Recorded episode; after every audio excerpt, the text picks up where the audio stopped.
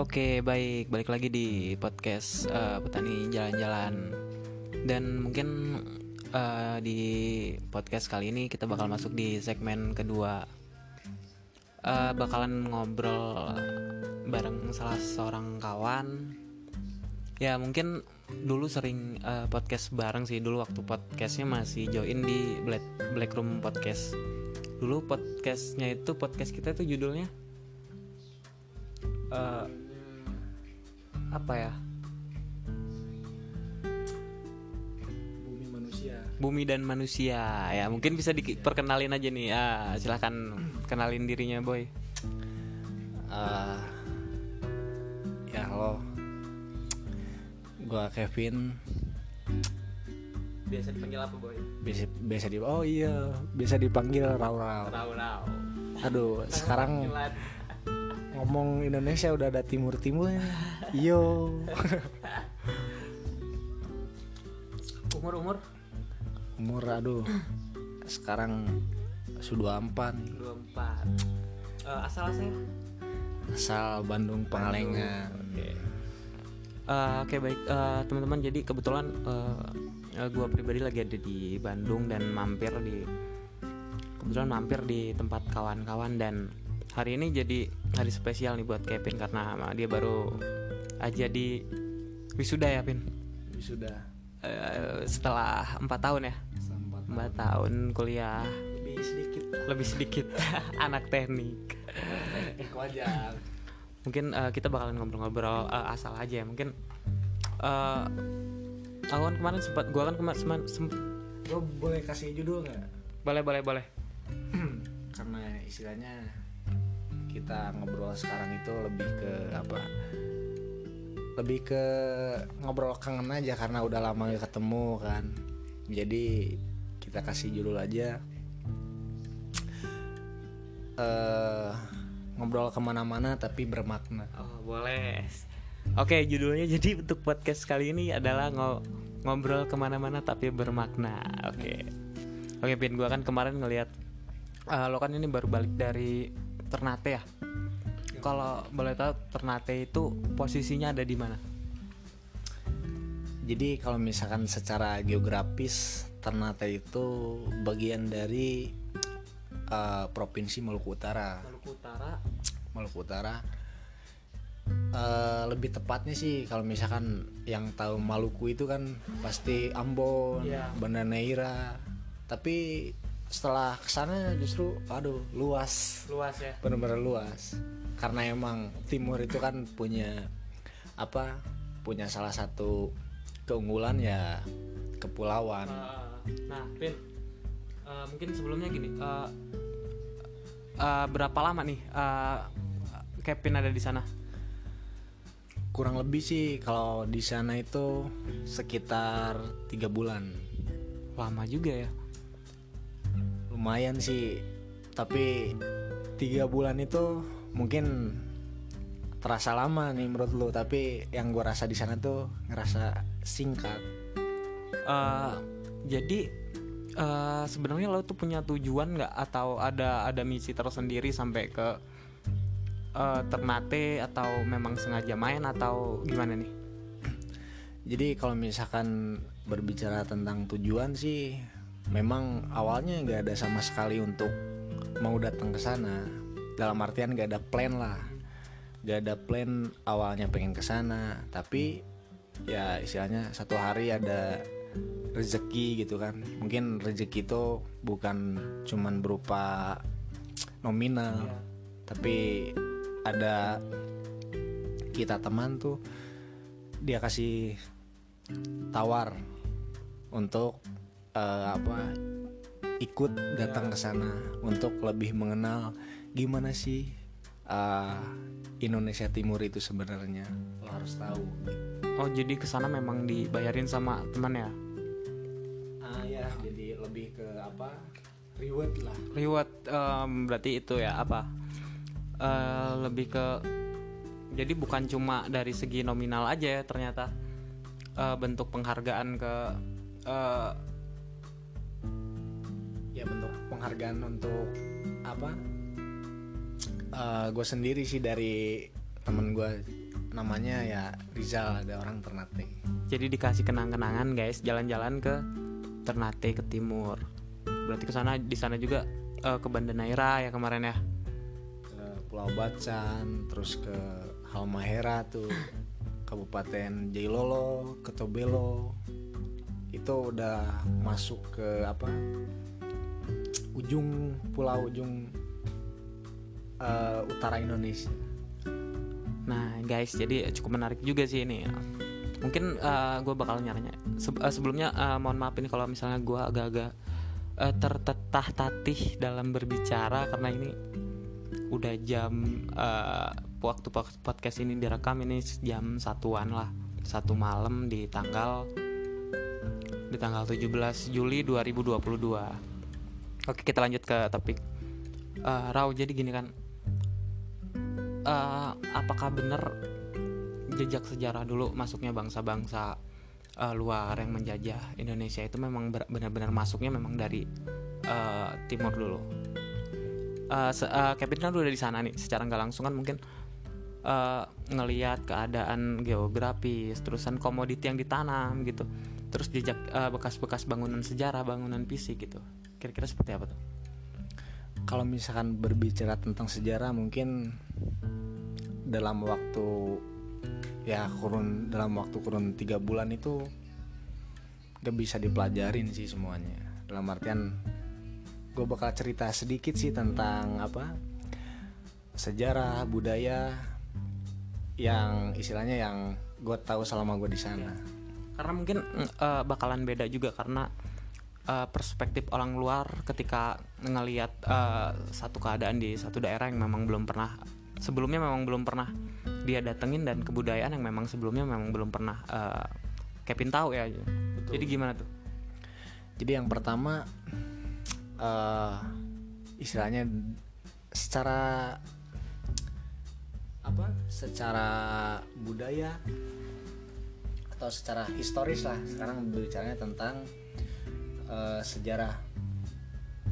Mungkin yang yang gue rasa sih kita semua mempercaya bahwa adanya penjajah datang ke Nusantara atau ke Indonesia. Dulu kan Nusantara. Ya datang ke Indonesia karena rempah.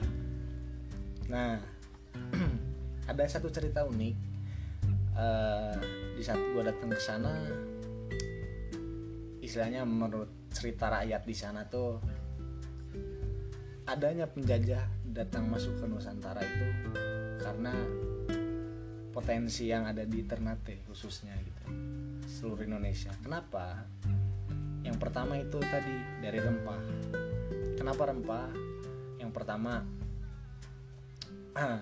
di Ternate itu kan kayak akan apa uh, pala uh, palawija ya? palawija cengkeh dan itu emang jadi salah satu komoditas unggulan lah di sana dan memang Kevin menyaksikan sendiri ya itu ya? menyaksikan ya? sendiri kayak oh. misalkan apa apa memang betul terus dari segi apa peninggalan peninggalannya pun itu banyak kayak misalkan pergi ke benteng-benteng tuh masih ada benteng-benteng peninggalan Portugis uh -huh. Belanda sampai ada uh, apa gua foto tuh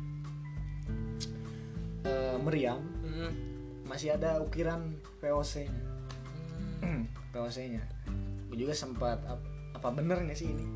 Kan ternyata emang semua ada. Terus tulisannya pun beda-beda. Yeah. karena mungkin dulu kan gak ada alat cetak hmm. jadi diukir sendiri kan. Makanya bisa beda-beda.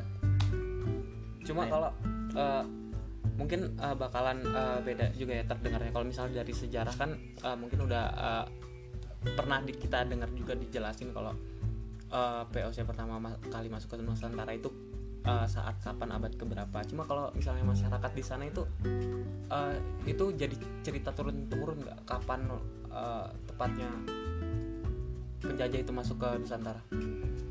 Nah kalau di sana sih kalau misalkan berbicara tentang sejarah kapan itu sebenarnya nggak ada yang benar-benar apa tahu pasti oh, jadi uh, waktu spesifiknya memang nggak nggak waktu tahu, ya? spesifiknya ya emang nggak lebih ngebahas ke sana oh, ya.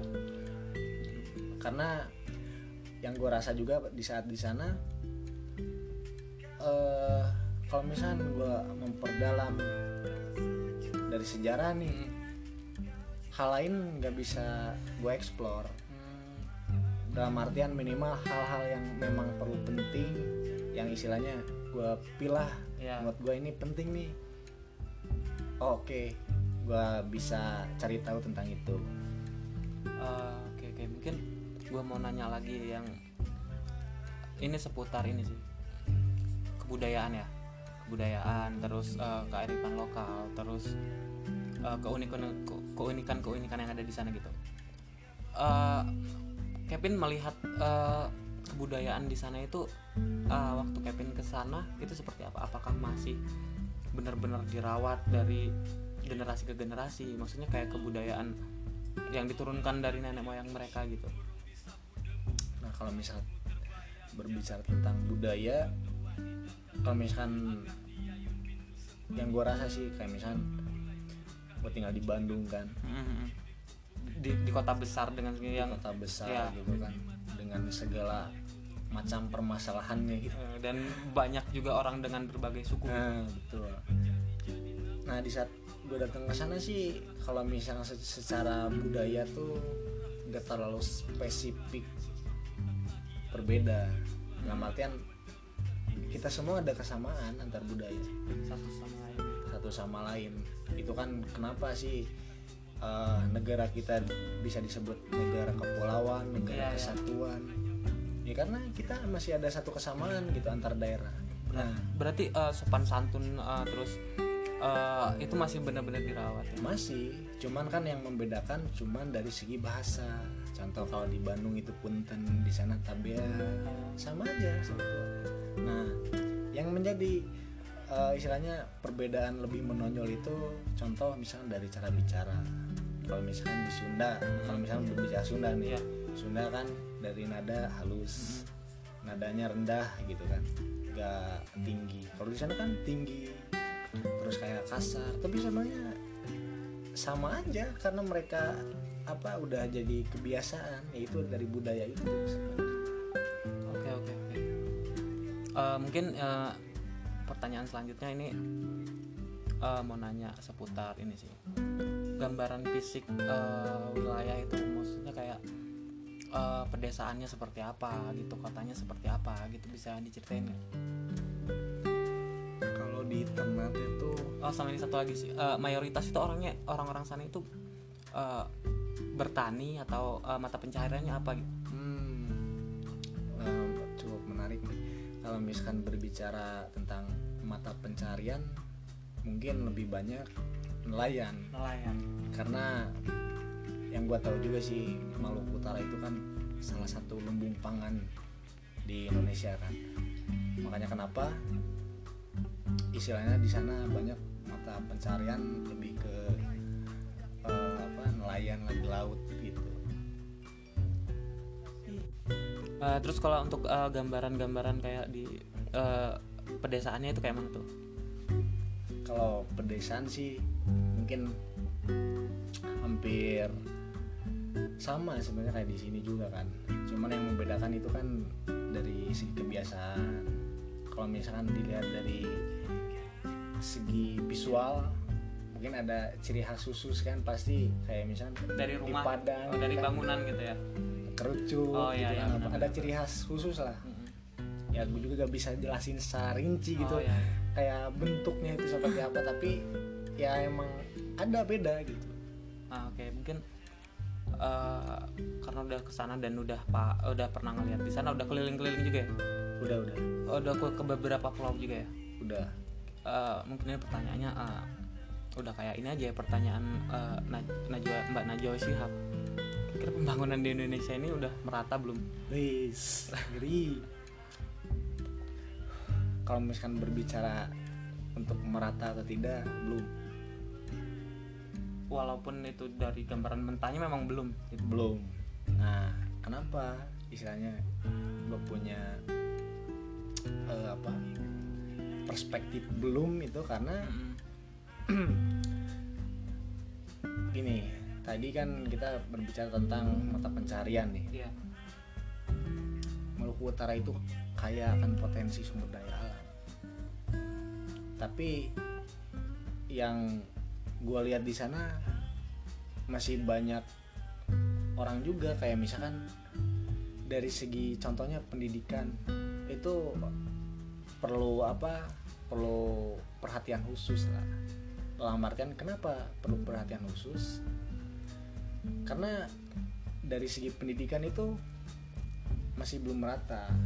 Kayak misalkan contoh untuk apa karena kita ada di zaman teknologi Ya, ya, gitu ya. kan kita penggunaan smartphone udah di mana-mana contoh untuk penggunaan internet juga sebenarnya belum maksimal banyak di sana juga daerah-daerah yang belum terjangkau dengan jaringan yang se apa Sekencang di sini. kencang di sini lah Oh, jadi untuk uh, komunikasi juga masih uh, agak sulit ya. nah itu Uh, media sebagai uh, sarana informasi sekarang itu memang sangat terbatas di sana ya aksesnya ya. betul Oke mungkin gini ya, uh, ini menyangkut uh, uh, saya gue bakal nanya ke Kevin nih.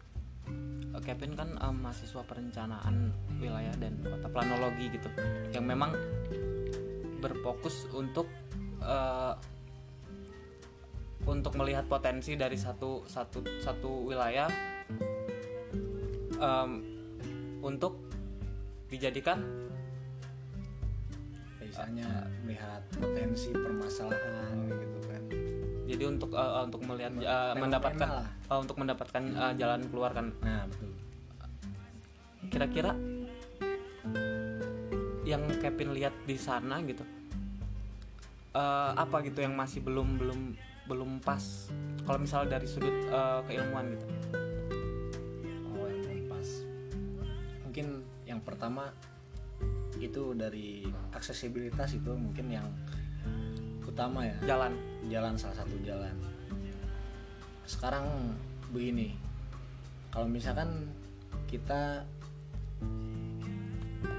ingin mengenal istilahnya saudara-saudara kita yang ada di timur lah di barat gitu Iya. kan. Tapi ya tadi terkendalanya dengan akses. Akses. Terus kalau misalkan berbicara akses kan pasti berbicara tentang biaya juga kan. Sekarang datang ke sana juga tiket kan udah lebih mahal dari ke Singapura. Makanya orang di Jakarta misalnya contoh lebih memilih untuk ke Singapura aja dibanding ke sana. Karena itu dari tadi aksesibilitas yang belum benar-benar merata masih banyak apa fasilitas fasilitas fasilitas yang memang sebetulnya harus dibangun. Terus kalau misalnya eh, ngelihat dari bentang alam gitu dari keadaan alamnya gitu eh, di sana itu seperti apa? Apakah masih banyak hutan ataukah eh, memang sudah banyak komod- eh, yang sudah jadi kebun gitu? Itu kira-kira gimana? Kalau misalkan lihat dari potensi alam jelas kalau di sana tuh eh, apa benar-benar dijaga. Maksudnya ada nggak ini eh, maksudnya kayak gambaran gitu dari apakah ada eh, misalnya nilai-nilai normal-normal di masyarakat yang memang ngejaga buat eh, alam itu tetap lestari gitu? Nah contohnya gini misalkan kalau misalnya berbicara tentang potensi alam pasti kalau di zaman sekarang itu banyak misalnya potensi alam yang dijadikan pariwisata Iya, kan. iya. di mana mana sekarang udah dijadiin pariwisata. Lagi booming ya? Lagi booming. Di mana mana kan. Tapi di sana tuh kenapa sih? Misalnya pariwisata belum contohnya kalau misalkan berbicara dilihat dari Bali Iya, misalkan iya, contoh. Bali kan punya budaya Hmm, punya potensi alam. Iya. Sementara di sana juga sama dari segi budaya masih kental potensi alam. Banyak. Benar-benar banyak terus dijaga kan. Nah apa yang membedakan? Balik lagi ke tadi karena beda perencanaan. Jadi Maluku itu lebih difokuskan ke lumbung kan. Kalau Bali itu emang pariwisata. masuk KSN jadi kawasan strategis nasional kan. Oke. jadi udah ada perencanaan di pusat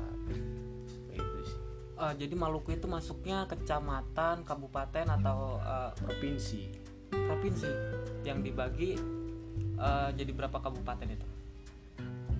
Nah itu kurang tahu sih kalau misalkan per kabupatennya kan karena emang nggak pergi ke semua kabupaten itu karena jadi emang luas. kalau ibu kota provinsinya di? Ibu kota provinsi Ambon. Ambon.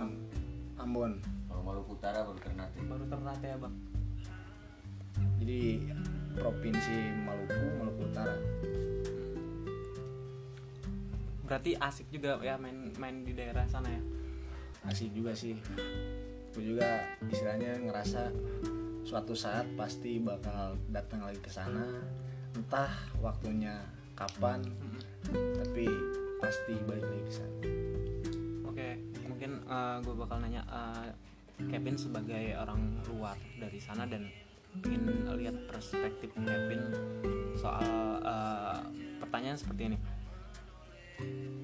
Kira-kira uh, butuh Maluku butuh nggak uh, SDM SDM yang memang bagus uh, putra daerah buat balik lagi di sana buat uh, ngembangin potensi-potensi yang ada di sana tanpa tanpa maksudnya tanpa mengurangi nilai-nilai kebudayaan sosial yang ada di sana gitu. Kira-kira itu itu perlu? Uh, kalau menurut gue sih sangat perlu. Karena yang pertama uh, istilahnya putra daerah itu kan yang benar-benar mengenal daerahnya sendiri. Contoh misalkan kalau misalkan uh, bilang gue latar belakang dari planologi gitu kan perencanaan harus ada juga latar belakang planologi orang sana supaya istilahnya perencanaan di sana tuh sesuai dengan budaya tanpa mengurangi nilai-nilai uh, yang lainnya lah dari sub atau aspek-aspek yang lainnya. Itu sih sangat penting. Uh, mungkin uh, banyak juga ya orang-orang sana yang merantau keluar gitu. Sebenarnya kira-kira sebabnya apa tuh? Nah kalau misalkan orang luar yang datang ke sini tuh yang gue tahu kayak misalkan contoh di lingkungan gue sendiri kan banyak orang-orang timur. Nah kadang gue suka gue juga suka kayak nanya kan lu ngapain sih datang ke Bandung jauh-jauh untuk kuliah? Gitu kan. Yang pertama itu ingin memajukan daerahnya. Entah dari mana pun gitu bukan cuma dari timur tapi kayak misalkan dari Sumatera gitu yeah. kan dari Kalimantan. Tujuannya untuk uh, istilahnya untuk nge-branding gitu. nge-branding lah daerahnya cuma kenapa harus dari luar gitu kok ya pertanyaannya? Maksudnya dari luar? Kenapa harus keluar dulu gitu? Nah karena tadi kan pendidikan itu. Oke mungkin gini ya. Uh, tadi cerita Kevin yang uh, tiga bulan main-main uh, di Ternate dan uh, di Indonesia bagian timur lah. Cuma belum sampai ke Papua ya Pim ya? Belum Insya Allah ya secepatnya sih udah pengen main ke Papua. Cuma ini pertanyaan lagi ya Pin ya. Sorry. Uh, sorry kalau misalnya banyak nanya. Kira-kira perlu nggak Ternate jadi seperti Bandung? Atau seperti Jakarta gitu? Enggak sih. Karena setiap daerah punya ciri khas masing-masing punya potensi masing-masing yang emang harus dijaga. Dan gak semua daerah juga harus jadi kota. Dalam artian gini banyak uh, kita orang yang istilahnya kuliah ke luar negeri terus mengadaptasi kayak misalkan contoh dari segi apa namanya desain kota lah misalkan. Kan contoh misalkan. Banyak kan uh, akademisi-akademisi yang kuliah di luar negeri terus melihat fenomena di sana terus diterapkan di sini itu beda. Karena memang nggak cocok sama karakteristik. Nah yang pertama itu dari kata karakteristik terus dari segi geologi kan. Mm-hmm. kalau di Indonesia itu kan kayak lebih bergelombang yeah. contohnya di Bandung nih. Bandung kan nggak kayak Jakarta bener-bener datar. Bandung itu kan kayak naik turun. Contoh sekarang kayak di apa dibangun jalur khusus pesepeda atau trotoar lah dibikin bagus gitu. Tapi kenapa sih minat orang untuk berjalan kaki atau bersepeda masih kurang karena tadi kontur beda. Kalau misalnya di Melbourne kan di sana datar gitu kan jalan kaki enak cuaca juga. Kalau di sini kan ada nanjak turun gitu sih ya kurang juga Oh, berarti iya sih. Dan eh, kata Kevin juga bener karakteristik. Eh, mungkin seperti ini ya. Kayaknya eh, teman-teman yang memang eh, berasal dari daerah dan dan punya visi misi buat memajukan daerah sepertinya memang nggak perlu buat eh, mengimplementasikan sesuatu yang ada di kota untuk dibawa ke daerahnya masing-masing. Ya kan mungkin karena eh, kalau kalau gue sendiri ngeliat eh, Bandung lah Bandung ya. Bandung sendiri mungkin ngabisin miliaran cuma buat bikin ruang terbuka hijau sementara di daerah ruang terbuka hijau itu sudah ada. Berarti memang butuh SDM SDM yang yang eh, bener-bener berpotensi. berpotensi paham gitu. Ternyata eh, ngebangun daerah buat memperkenalkan eh, apa ya memperkenalkan kekayaan SDA dan SDM yang ada di daerah itu memang perlu hati-hati juga maksudnya dengan tolak ukur yang sekarang kita lihat kayak gambarannya mungkin eh, Jakarta Bandung gitu. Jangan sampai eh, kota kalian bisa jadi kayak Jakarta atau Bandung yang udah semrawut gitu kan. Hmm, betul. Ya mungkin seperti itu sih. Cuma ini eh, kira-kira Kevin punya planning mau ke mana lagi nih? Kalau planning sih untuk sekarang mungkin kerja dulu sih. Kerja dulu ya? Karena ya gue juga pertama-tama eh, mau ngucapin banyak terima kasih nih. Istilahnya kan lu udah jauh-jauh dari Lampung nyempetin waktu. Cuma buat ngobrol cuman gini? buat ngobrol kayak gini gitu. Ngobrol buat ngucapin selamat. Oh iya dulu gue pernah punya janji sih sama Kevin kalau dia wisuda gue mau ke sini dan alhamdulillahnya eh, kebetulan ada kerjaan yang eh, pas time-nya gitu Eh, jadi mungkin eh, pesan aja sih buat Kevin kalau setelah ini mungkin eh, apa yang bakal dijalanin itu bakalan lebih berat dan hidup itu ternyata serius sih Eh, welcome to uh, live. mungkin karena kemarin kemarin-kemarin mungkin buat teman-teman yang nggak cuma Kevin sih, maksudnya teman-teman yang uh, masih uh, ada di bangku kuliah atau yang masih di fasilitasi sama orang tuanya untuk uh, menempuh pendidikan. Mungkin pesan-pesan pesan saya saya pribadi em, manfaatin aja fasilitas yang dikasih sama orang tua selagi orang tua kalian memang eh, mampu buat memfasilitasi itu gitu belajar dengan benar dan eh, pulang jadi orang yang benar maksudnya benar dengan punya gagasan yang yang bagus punya eh, pesan dan nilai-nilai yang bisa disampaikan di masyarakat dan lingkungan gitu. Cuma ini eh, Kevin kira-kira selain planning bekerja apakah ada eh, plan buat bikin usaha gitu kayak teman-teman yang lain? Kalau usaha sih ada sebetulnya tapi eh, kenapa gue milih kerja? Karena yang pertama gue pengen maksimalin potensi lah. Potensi yang gue pelajarin selama ini selama di bangku perkuliahan.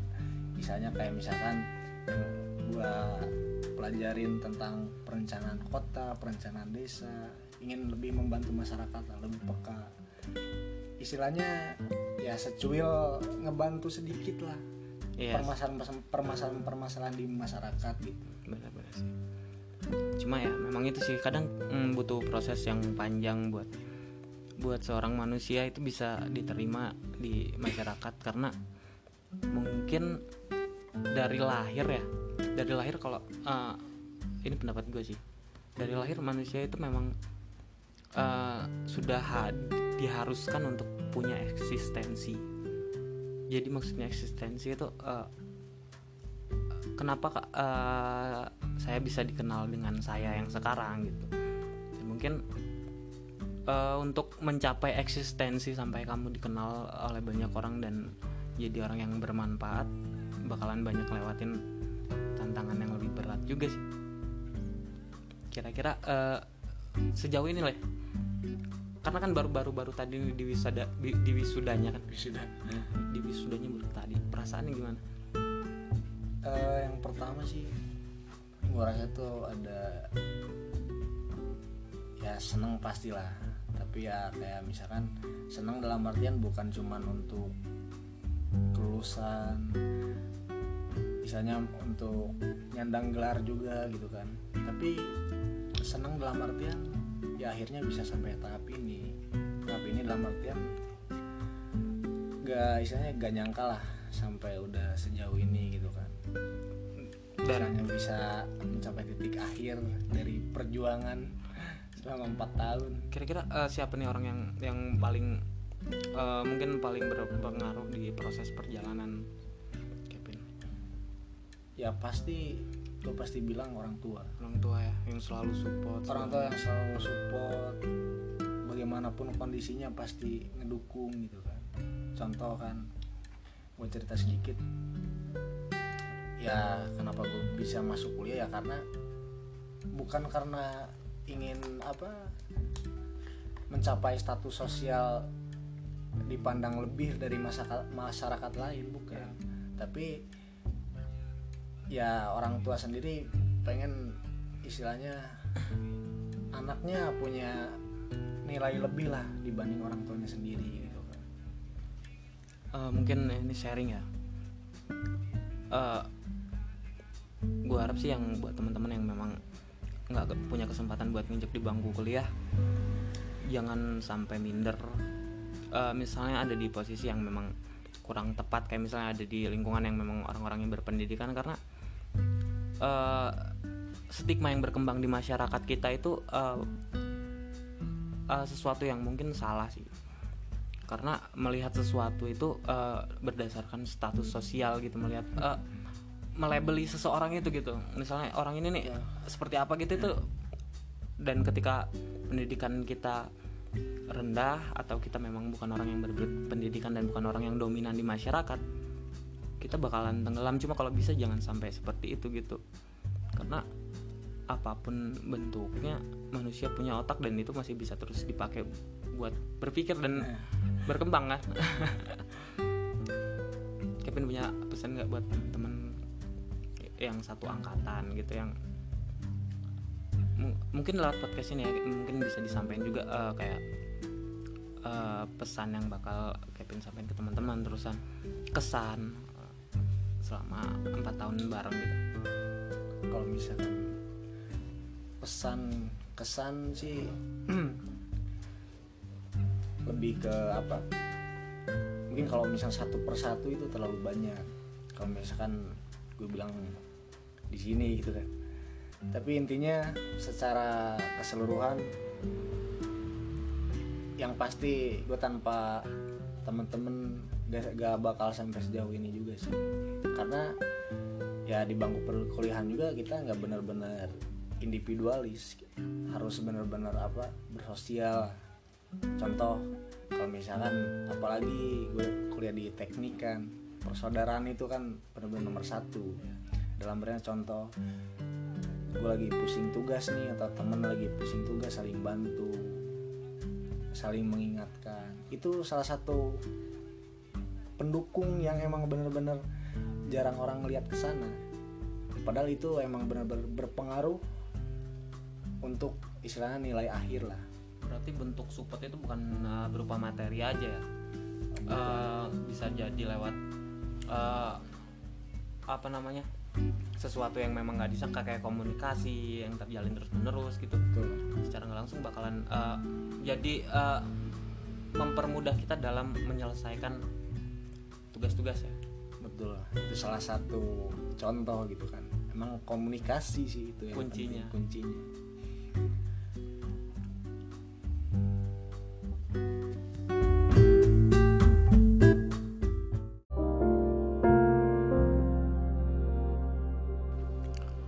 Oke baik. Mungkin eh, ini kita bakalan ngobrol-ngobrol bareng salah satu eh, temen da, bisa disebut senior juga dari Maluku Utara.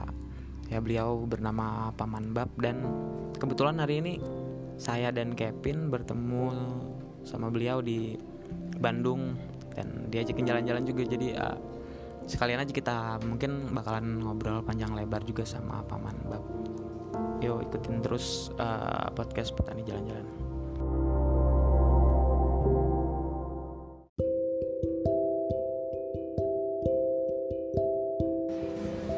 uh, mungkin gue mau nanya uh, seputar ini sih bang uh, Tapi gue jawab yang gue tahu. Iya ya bang. Uh, se, se sepengalaman lo aja.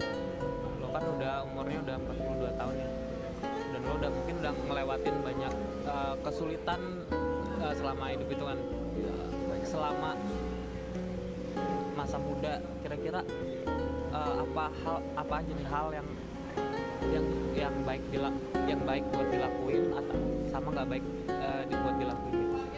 Maksudnya gini, uh, penyesalan di masa muda lo bang Pertama jauhi drugs. jauhi narkoba Kedua hargai orang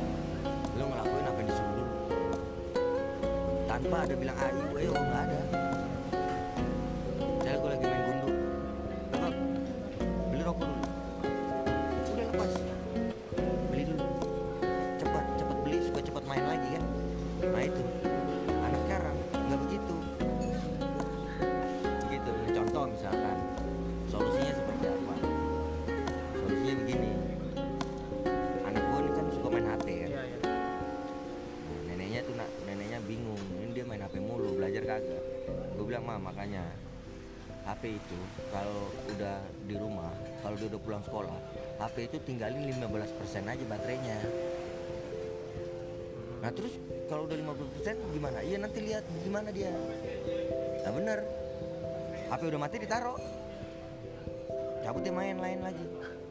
Nah dapat kan solusinya kan? Untuk mengurangi kan? Nah kalau bagaimana yang udah memang terbiasa main game? Jangan dilarang. Percuma lo larang anak-anak zaman sekarang kalau dilarang. Tapi diarahin. Caranya bang caranya memfasilitasi aja. Mau main game? Ya nih beli handphone. Minta kuota.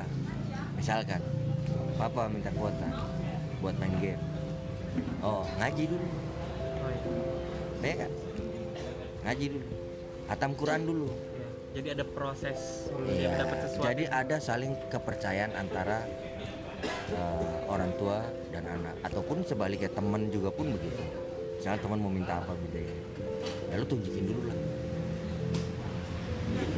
jadi eh, apa namanya eh, pantas nggak nih gue eh, nurutin kemauan lu ya lu harus nunjukin dulu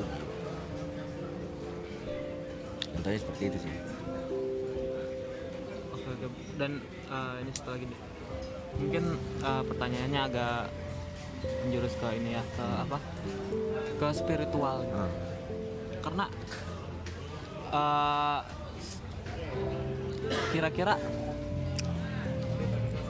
gimana nih caranya biar biar kita tuh bisa bisa dapet klimaks buat eh, deket sama Tuhan. Terusan mm, eh, mungkin di di fase itu dulu di dalam di dalam Al-Quran itu jelas. Itu ada ada tertera sejarah dan tertera hukum tadi lu bicara itu itu masuk dalam bentuk hukum. Fikih. Namanya. nah di dalam Al-Quran ada jelas hukum yang nggak boleh di nggak yang udah jelas gitu ya kan? Contoh misalkan hablum minanas wa hablum minallah. Kenalilah dulu sekelilingmu kenalilah dirimu maka engkau kenal aku. Jadi begini kalau kita mau misalnya mau belajar spiritual dan apa sebagainya kita lihat dulu spiritual ini mau dibawa ke mana? Apakah bersifatnya positif ataukah negatif? Kalau positif ya nanti jadinya kayak bagaimana? Kalau negatif ya konsekuensinya seperti apa? Kan gitu. Kalau kita bicara spiritual. Nah kalau untuk mendalami hal-hal yang eh, agamais ya kita belajar dari lingkungan dulu kita coba bisa menghargai apa yang kita punya. Kita coba bisa menghargai yang namanya lingkungan sekitar. Contoh misalkan kebersihan. Itu aja dulu nah, baru kita berbicara lebih lanjut lagi. Karena kalau tanpa itu kita nggak tanpa kita mengenal diri dan tanpa kita bersosialisasi dengan orang dengan alam menjaga melestarikan itu gimana ya? Namanya memang salat itu ada hitungannya sih cuman ini kan ada aturannya. Allah Allah kan jelas kasih aturan. Hablum minan nas wa hablum minallah. Nah itu apa artinya? Itu kan aturan seperti itu. Orang sekolah itu kelas 1, kelas 2, kelas 3, kelas 4 nggak mungkin masuk sekolah langsung kelas 6 Berarti ada tahapan-tahapan yang Ya, memang iyalah. mesti dilewatin dulu. iya iya. Ada tahapan mungkin begitu sih. Eh, kalau eh, saya saya juga pernah kan kayak eh, tinggal di Bali eh, satu bulan kan. Di Bali itu memang terkenal bersih bener eh, masyarakatnya itu eh, bersinergi bener sama alam gitu eh, dekat lah dan di itu itu semua mungkin di, diwarisin dari adat istiadat dan agama mereka memang mengharuskan seperti itu gitu cuma kira-kira untuk untuk untuk saat ini gitu abang yang tinggal di kota besar gitu kira-kira gimana caranya buat eh, ngedidik anak abang buat paham soal soal misalnya kayak kebersihan. Karena itu kan udah mencakup dari agama kan eh, terus eh, lingkungan segala macam gitu. Kedekatan. Tata cara. Kedekatan dan tata cara. Bagaimana kita bisa mendekatkan diri dengan anak? Pakai caranya. Pakai caranya eh, sesuai zamannya kayak sekarang kita nggak bisa lagi kedekatan sama anak itu pakai kayak zaman zaman gue kecil nggak bisa. Apa apa pukul apa apa pukul nggak bisa. Anak jadi bebel. Iya. Bagaimana cara anak untuk mengerti kita? Kita coba dekat kayak temen. Tapi sesuai umurannya. Gitu. Saat itu baru kita jelasin. Contoh misalnya. Kenapa sih kalau maghrib nggak boleh keluar jangan banyak setan lewat. Iya, iya. ntar ketabrak setan. Kan gitu. Zaman dulu ya. Zaman sekarang nggak masuk begitu harus harus jelas. Kalau ditanya kenapa sih papa kalau setiap maghrib suruh abang masuk? Karena nggak sholat. Malu dilihat orang. Papa yang malu. Kalau abang mau keluar berarti abang harus sholat. Kan begitu. Kalau nggak sholat di rumah nggak boleh malu kita. Anak kan iya ya. Kan begitu. Maksudnya kasih yang memang benar-benar kritis. Ke, ke pemikiran anak-anak itu. Jadi ya dia bisa nyimpen memori yang baik lah di kemudian hari gitu. buat diajarin ke anak-anaknya lagi. Kalau kita terus pakai kayak kayak apa namanya kartun-kartun gitu waduh. Gawat nih gedenya ntar Berarti ya, yang membentuk karakter eh, anak itu memang bener-bener lingkungan ya tempat Oh dia. iya. Lingkungan itu berpengaruh bener. Siapa bilang nih gue? Gue bilang. Ah lingkungan itu nggak terlalu berpengaruh. Tergantung orangnya. Gi- Gila kali. Gak ada cerita begitu. Lingkungan itu berpengaruh. Lo mau haji ya. Tapi kalau lo tinggal di tempat prostitusi, mau nggak mau lo hijrah bro. Bener nggak gue tanya sama lo? Kalau nggak lo juga ngikut kayak kayak begitu. Lah emang ya kan? Nah maksudnya seperti itu. Lingkungan itu berpengaruh. Jadi bagaimana cara kita supaya bisa pinter-pinter nge- ngebaca situasi, lingkungan dan apa sebagainya untuk jadi pendidikan anak. Dan kalaupun memang sudah nggak bisa, maka hijrahlah salah satunya untuk kepentingan anak. Gitu. Sesungguhnya Rasulullah juga begitu, ya kan? Ditentang di negerinya, maka dia hijrah ke Madinah. Gitu. Eh, ini kan mungkin eh, kita kan be- umurnya lumayan jauh nih bang Be- jauh bedanya kan kalau eh, dari sudut pandang abang sendiri standarisasi kebahagiaan buat eh, abang pribadi itu seperti apa Apa ya? Bahagia itu apa ya? Bahagia itu senang ya. ya senang Senang. ketika Ketika kalau misalnya lu ada yang ngurus, ada yang ngerawat, lu senang pasti kan. Terus ketika lu eh, dengar tangisan bayi atau apa, lu pasti senang juga kan. Bahagia. Jadi maksud gua bahagia itu ya tergantung kehidupan kita sih. Kita memilih kehidupan seperti apa. Jadi bukan berarti bahagia itu hanya kita menyenangkan diri dengan hal-hal duniawi juga enggak juga sih oh ya enggak juga gitu contoh nih mau seneng harus ke mall enggak juga ada yang lebih murah meriah ke gunung Iya. Kita lebih mendekatkan diri ke alam lebih tahu bagaimana cara kita survive di di gunung. Banyak nilai-nilai edukasinya kan kayak gitu. Nah, itu kan bahagia juga. Iya kan? Ya gitu sih. Tapi kalau untuk yang kayak lu bilang bahagia yang dalam pengertian senang ya pasti semua orang pernah ngerasain senang termasuk gua. Dan gue juga nggak bisa ngejelasin secara terperinci itu yang bentuknya bahagia itu kayak gimana? Karena bahagia kan subjektif. Iya. Gue nggak bisa. Berarti eh, standarisasi kebahagiaan orangnya itu memang tergantung di mana dia tumbuh. Iya. di mana dia ngerasa. Di mana dia ngerasa sama siapa. Gitu iya. Itu aja. Kayak kita begini kan tadi kan jalan bingung. Di saat kita nongkrong gini kan ada suatu kebahagiaan gitu Iya. kebahagiaan dalam pengertian kebanggaan. Kita bisa tahu banyak hal yang kita nggak tahu. Dan gue juga bisa belajar banyak hal yang gue belum belajar. Itu kan satu kebahagiaan yang dalam bentuknya kebanggaan. Seneng ya kan?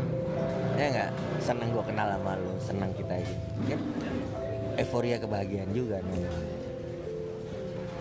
Eh, mungkin ya- wujudnya kita nggak ngerti kebahagiaan itu wujudnya kayak gimana sih? Ya karena kotak? iya iya iya. Iya iya. Eh, benar sih benar. Terus ini apa lagi ya mungkin ini sih. Mana ada pertanyaan? Ini nih paman apa?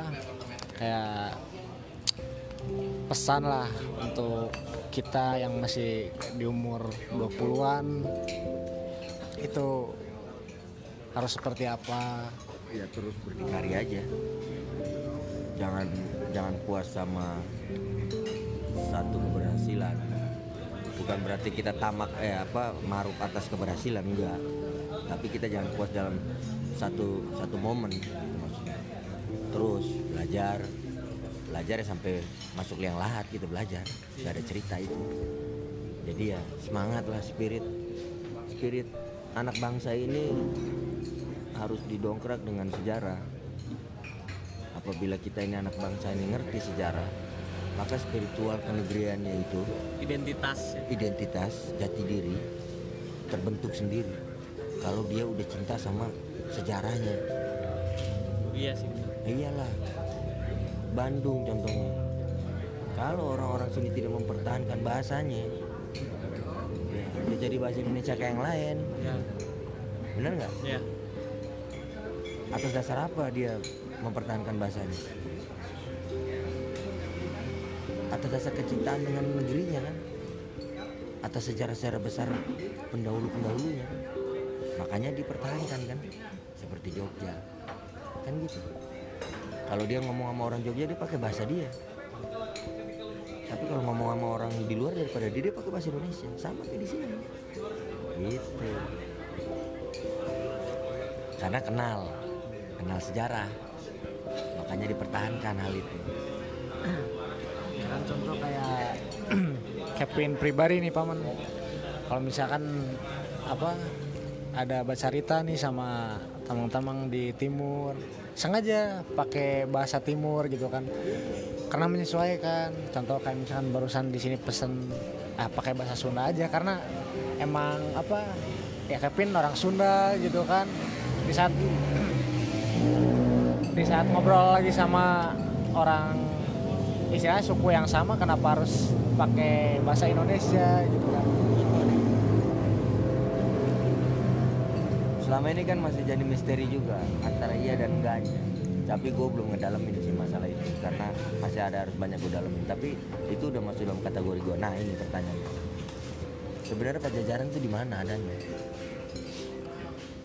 Ada orang Bogor mengklaim pajajaran di Bogor ya sementara ada orang. Bandung mengklaim pajajaran di Bandung. Garut pun mengklaim pajajaran adanya di, di Garut. Nah ini kan harus diklarifikasi oleh putra-putra daerah. Cari tahu di mana sebenarnya pajajaran karena ini pajajaran tuh kerajaan besar loh. Setelah Majapahit dia loh. Setelah Sriwijaya dia loh. Dia nggak? Iya. walaupun dia bukan muslim tapi itu bagian dari ibu pertiwi bagian daripada kita ini. Bagian yang membentuk eh, Jawa Barat hari ini ya masyarakat Sunda hari ini. Nggak boleh dilepas itu. Gitu itu pesan-pesan buat ya orang-orang generasi muda eh, orang Sunda. Cobalah gali dulu yang memang harus digali. Dan kalaupun di eh, proses penggalian itu terjadi hal dan sesuatu ya itulah tantangannya. Tapi kalau dia berjalan dengan baik maka pasti ada imbalannya. Pasti ada imbalannya nggak mungkin nggak ada. Iya. Nah bang ini imbalannya lu bisa tanam di anak lu. Iya iya. banyak bang tadi namanya siapa? Bang Hmm? dipanggilnya biasanya bang siapa? Bang bab tapi double A. Jangan BAB kalau Bang. BAB buang air besar. Bang bab. Nah, oke bang. Eh, mungkin eh, sekarang ini mungkin kontras ya kalau misalnya dilihat dari zaman abang sama zaman sekarang. Karena eh, modernisasi ini terus bergerak ke arah yang lebih baik kan. Sementara a- banyak nilai-nilai ini khususnya nilai-nilai sosial yang mengalami kemunduran. Jadi kayak misalnya karena modernisasi. Iya, jadi kayak misalnya contohnya interaksi sosial masyarakat itu sekarang ini terpengaruh dengan modernisasi. Ya makin jarang dijumpai jadi karena hilangnya budaya Iya. sebagai budaya Iya. begitu. Itu sih sebenarnya tergantung prinsipal seseorang. Sudut pandangnya kayak gimana? Apakah dia bisa menggunakan teknologi itu secara baik? Itu aja. Contoh jangankan teknologi listrik aja orang masih nyolong. Suntik listrik. Iya, ya kak contoh teknologi sekarang kita gunakan teknologi. Alhamdulillah kita udah punya teknologi. Yang tadinya kita nggak tahu jalan pakai Google Map bisa. Bisa. berarti kita menggunakan teknologi itu secara baik. Yang kita jauh dari orang tua. Kalau mau ke sana tuh butuh uang banyak. Sekarang udah ada video call berterima kasih dong sama teknologi. Tapi jangan kalau kita buka teknologi terus nonton bokep. Nah itu salah namanya kan gitu. Kita menyalahgunakan teknologi namanya. Kayak gitu. Main game main judi. Ya, salah. Berarti paman kalau misalkan istilahnya perspektif paman seperti itu istilahnya kita ini sebetulnya belum bisa benar-benar menerima teknologi secara utuh. Contoh kayak misalkan untuk apa hal informasi misalkan contoh kayak berita kan.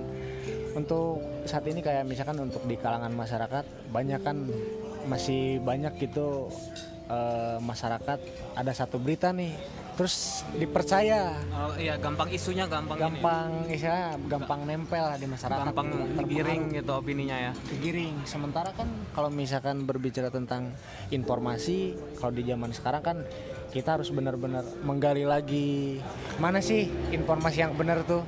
Karena kan teknologi tuh ya khususnya di informasi gitu kan terus menerus kan.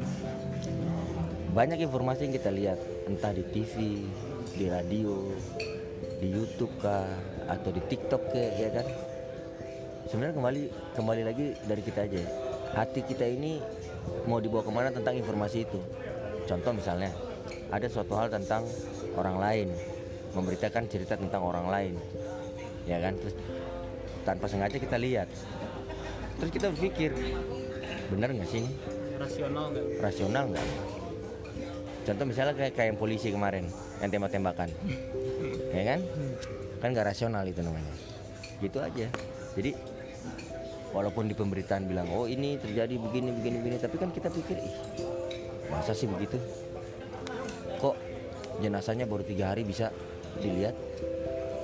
Bukannya dihubungin langsung. Ah itu kan ada kejanggalan-kejanggalan yang membuat kita manusia bisa bisa berpikir bahwa berita itu benar atau enggak. Gitu loh Oh, berarti eh, balik lagi ke individu masing-masing ya berarti. iya bagaimana Iya. kita telan Iya. itu berita. Karena kita nggak mau berpikir maka kita akan jadi yang kayak orang-orang kebanyakan itu. Ikut-ikut arus. Wah wah wah wah. Oh iya benar begini wah begitu karena kita nggak mau berpikir. Sedangkan Tuhan pun menyuruh kita untuk berpikir di dalam kitab-kitabnya. Apakah kalian tidak pernah berpikir? Berpikirlah kalian. Selalu itu jadi untuk berpikir. Jadi kita baca atau kita lihat dan kita langsung telan. Ya kan kita punya kehidupan sehari-hari kan? Kehidupan real kita punya kan? Nah coba kita sandingin dengan kehidupan real gitu. Bahwa contohnya misalnya oh negeri kita ini eh, negeri makmur loh nggak ada orang yang namanya busung lapar. Oh benar emang nggak ada. Negeri kita ini nggak ada busung lapar. Tapi jangan salah loh kita ini bayar pajak loh. Ya kan? Kok banyak fasilitas yang nggak dibangun untuk orang-orang yang belum kerja? Contoh misalnya seperti itu. Jadi jangan jangan kita kepancing dengan oh iya benar negeri kita ini makmur udah lah. Nggak ada busung lapar nggak apa-apa. Kan gitu. Oh berarti eh, kemajuan teknologi itu memang harus di diterima dengan hati dan kepala juga pakai hati sama kepala maksudnya kan. Jadi eh, banyak eh, biar nggak ngilangin nilai-nilai yang udah ada di eh, diri manusia itu sendiri sebagai makhluk sosial. pembaruan teknologi itu kita harus bisa menerimanya dengan intelektual bagaimana cara kita eh, menyaringnya bagaimana cara kita mengkajinya banyak orang yang memahami teknologi karena dia udah punya formula untuk mengkaji memahami atau ahli dalam bidangnya ya kan nah banyak orang juga yang menyalahgunakan teknologi karena nggak mau bertanya tentang teknologi itu Iya benar. terhadap orang lain Jadi nggak bertanggung jawab gitu. ya gitu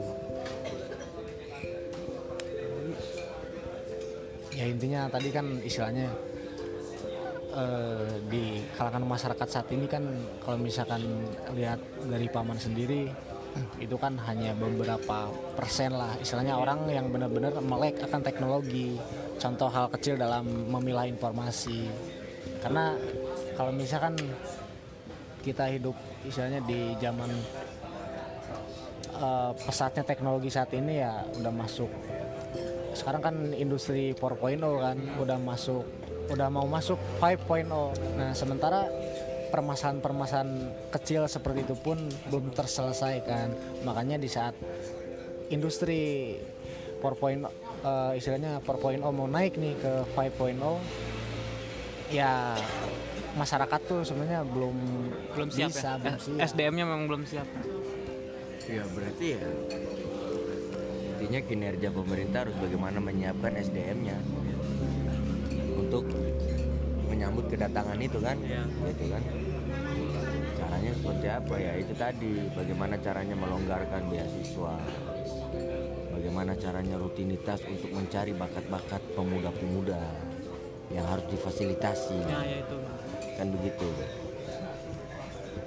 Saya rasa kalau aneh rasa itu pemerintah mampu lakukan hal itu. Iya. gitu sih sebenarnya. Karena jangankan pakai APBD kita pakai duit eh, visa aja ataupun duit pajak yang dari orang membuat usaha dan apa segala macam itu bisa itu.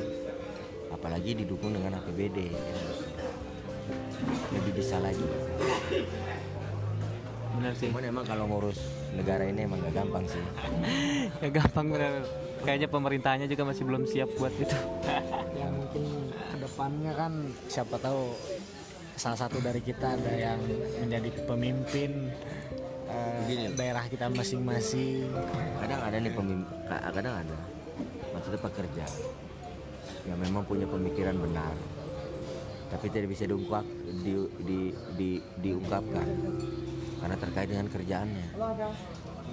Kadang ada eh, pemimpin wilayah mampu bertindak adil namun tergencet dengan pemimpinnya lagi ya benar jadi banyak yang seperti itu. Nah kalau mau jadi orang benar ya, sekalipun taruhannya jabatan ya, itu konsekuensinya. Bahwa kita menunjukkan bahwa kita benar. Sekalipun dipecat ya udah nggak masalah. Tahu gue benar. Tapi nggak dianggap ya sudah. Berarti emang gue bukan di sini tempatnya. kan gitu. Iya. Cuma memang eh, ini pertanyaan lagi, apakah memang cenderung ketika kita sudah dewasa itu eh, hidup itu be- ber- bersifat realistis? Maksudnya eh, beberapa idealis kita memang memang nggak terpakai gitu atau seperti apa bang? Oh iya. Awal kita nih, kita na kita awal lahir ini, itu kita nggak punya pikiran kan? Iya. Di saat kita di saat kita baru kita baru beranjak umur 3 atau 4 ta 3 tahun. Mulai dibentuk. mulai dibentuk mengenal. Ya kan? Di saat kita umur 8 9 tahun sampai 12 tahun itu pembentukan sifat. Iya ya. benar kan? Di saat ke atasnya lagi itu ada pembentukan-pembentukan berikutnya. Jadi yang dinamakan idealis itu apa ya kalau kita bermusik tuh idealis oke. Tapi kalau kita bersosialisasi tentang kehidupan kita nggak boleh idealis. Karena kita hidup nggak sendiri. Kan gitu? Terkecuali idealis kita ini bisa membangkitkan ataupun memakmurkan orang banyak. Kan gitu? Contoh misalkan ada satu lahan. Yang paling cocok ini dibuat padi tapi kebanyakan orang mau buat kelapa sawit. Tapi orang ini idealis bahwa ini harus padi. Karena tanahnya tuh begini begini begini. Arahnya nah, itu bagus karena dia idealis untuk banyak orang. Ada pertanyaan nih. Kalau misalkan idealisme seperti itu kan contoh misalkan kayak isu-isu tahun-tahun kemarin di Papua. Jadi kan di Papua itu mau dijadikan lumbung padi nasional. Di nah. Maroke udah berjalan. Ya udah berjalan kan. Tapi ada sisi negatifnya. Oke untuk pangan lebih maju kan. Untuk kebermanfaatan ekonomi.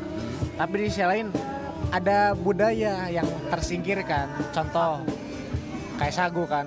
Kayak di Papua kan budaya di sana itu lebih ke memanfaatkan hasil alam dibandingkan menanam. Sebenarnya eh, namanya untuk memajukan suatu wilayah itu sebenarnya nggak ada yang perlu tersingkirkan sih. Cuman bagaimana cara kerjanya aja. Bagaimana cara cara eh, kita apa eh, namanya himbauan-himbauan ke masyarakat.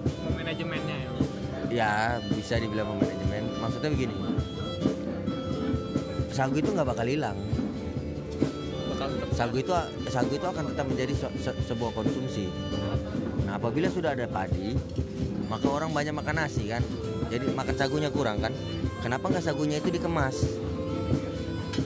Kita kemas. Bikin kayak contoh misalnya brownies kayak yang jadi rasanya kayak brownies atau jadi kayak kue apa kayak malah itu kan bisa menambah UMKM masyarakat ya peningkatan nilai jual. Kita ekspor keluar. Berarti sagu itu nggak bakal nggak bakal terlupakan maksudnya tinggal bagaimana packagingnya aja sih sebenarnya Tapi uh, pertanyaan sih seperti ini. Mungkin itu kan kalau misalkan berbicara tentang sagu. Tapi yang mau Kevin fokuskan di sini kan secara budaya nih. Budaya di Papua itu yang Kevin tahu karena Kevin kayak bisa apa bercerita lah sama orang-orang Papua kan Aneh budaya mereka tuh kayak lebih ke memanfaatkan hasil alam lah dibanding kayak Gini, menanam. Aneh ngerti? Contoh begini sebelum Papua Sumatera. Sumatera itu punya budaya. Tapi lama kelamaan akhirnya eh, perkembangan eh, pembangunan di Sumatera berjalan dengan baik. Tapi tidak menghilangkan budayanya. Begitupun Jawa. Ada budaya. Sunda Betawi. Tapi memang kota metropolitan tapi tidak mengurangi itu budaya jadi di Papua ini distrik Papua itu sebenarnya udah banyak udah udah udah udah banyak kepentingan orang-orang asing jadi yang tadinya mau dibangun untuk kemasyuran masyarakat situ oleh pemerintah yang yang yang kemudian akan mengurangi devisa atau penghasilan orang-orang asing itu, maka dibuatlah isu-isu seperti itu. Karena kita ini orang Indonesia sering termakan isu kan, jadi akhirnya dibuatlah isu-isu seperti itu. Untuk jangan sampai pemerintah terlalu dalam mencampuri urusan orang-orang asing itu, gitu. Oh, berarti berarti bisa disimpulkan kalau mungkin seperti ini ya, apa eh, identitas dari satu wilayah itu nggak akan hilang kalau misalnya masyarakatnya memang eh, nge- ngerawat itu mau menarik mana dan mau merawat? ya walaupun kedatangan budaya baru gitu ya.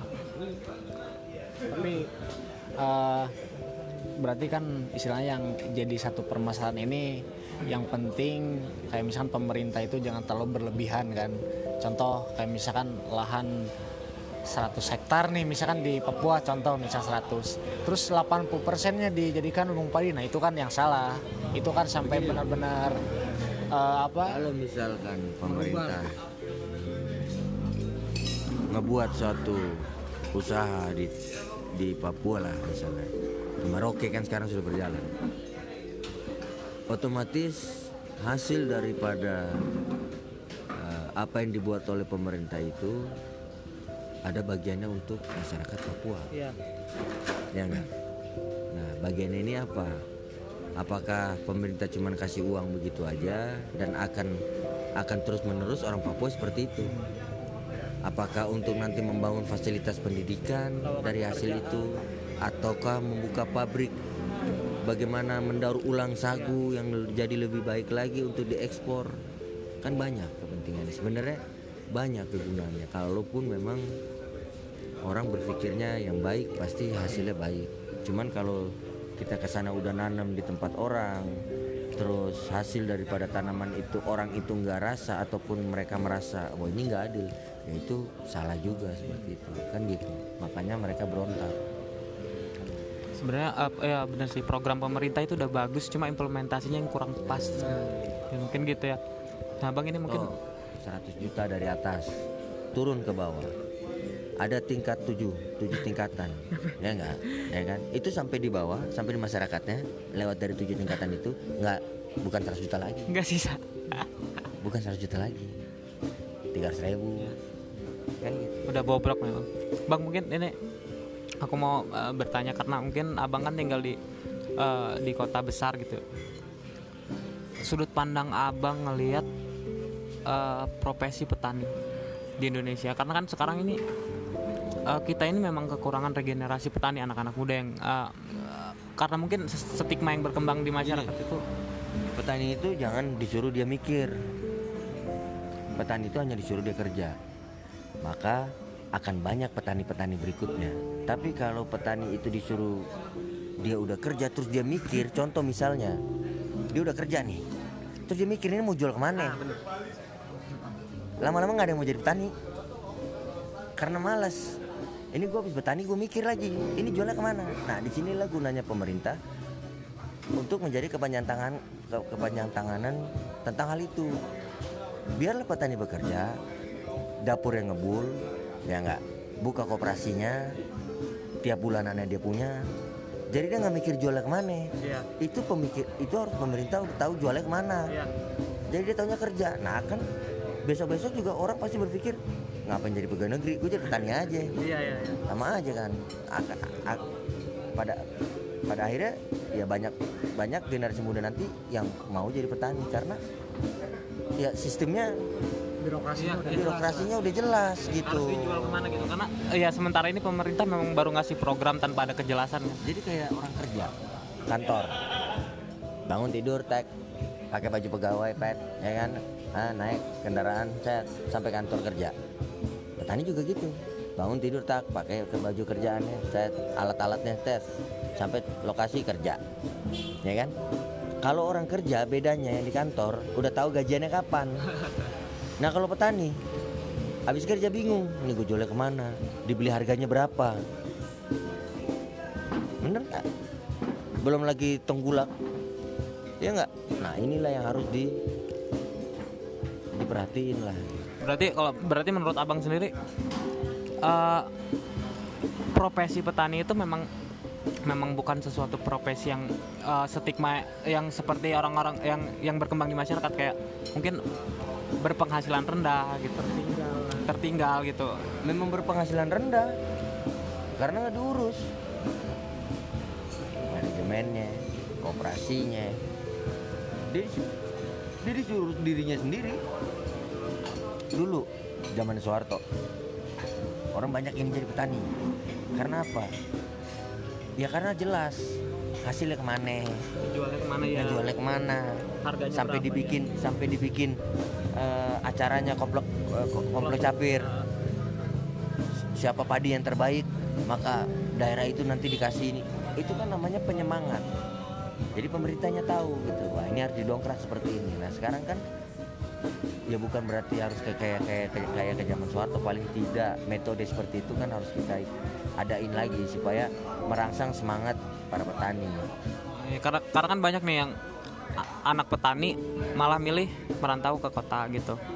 Berarti memang perlu adanya satu satu satu apa ya, satu kebijakan yang yang bikin kebijakan tentang gimana caranya fasilitas doang sih itu. Fasilitas. Gimana caranya masyarakat desa bisa punya income yang sama dengan orang-orang kota gitu. Fasilitas. Contoh nih tanah satu hektar.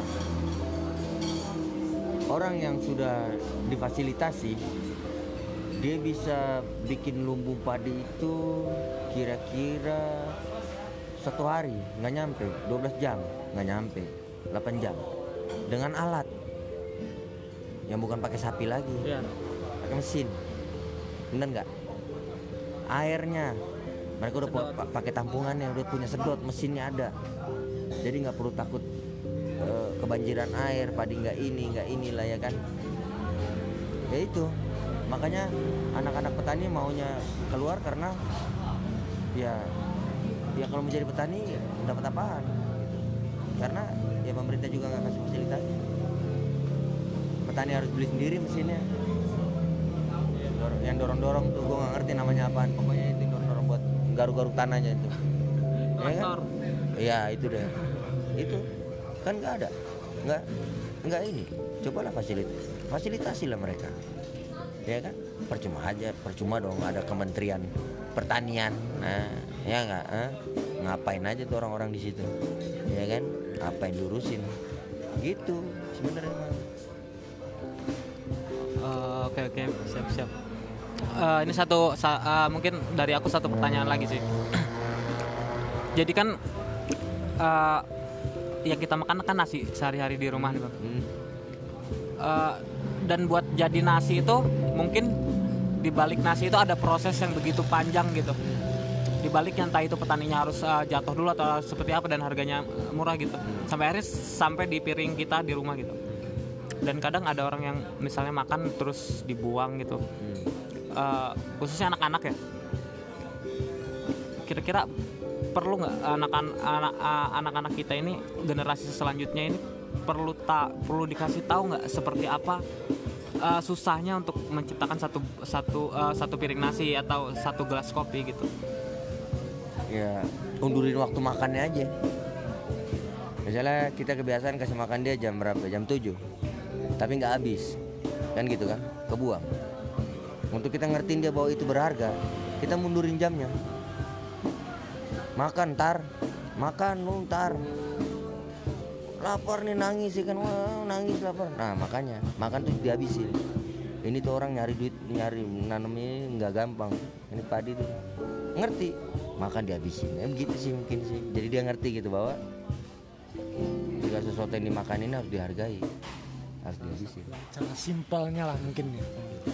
Oke mungkin dari aku itu aja. Dan mungkin Kevin ada pertanyaan lagi. udah jangan deh.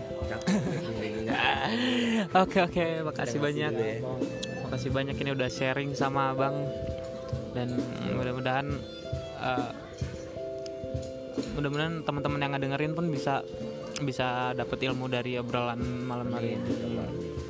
Dan sekian eh, petani jalan-jalan undur diri. See you.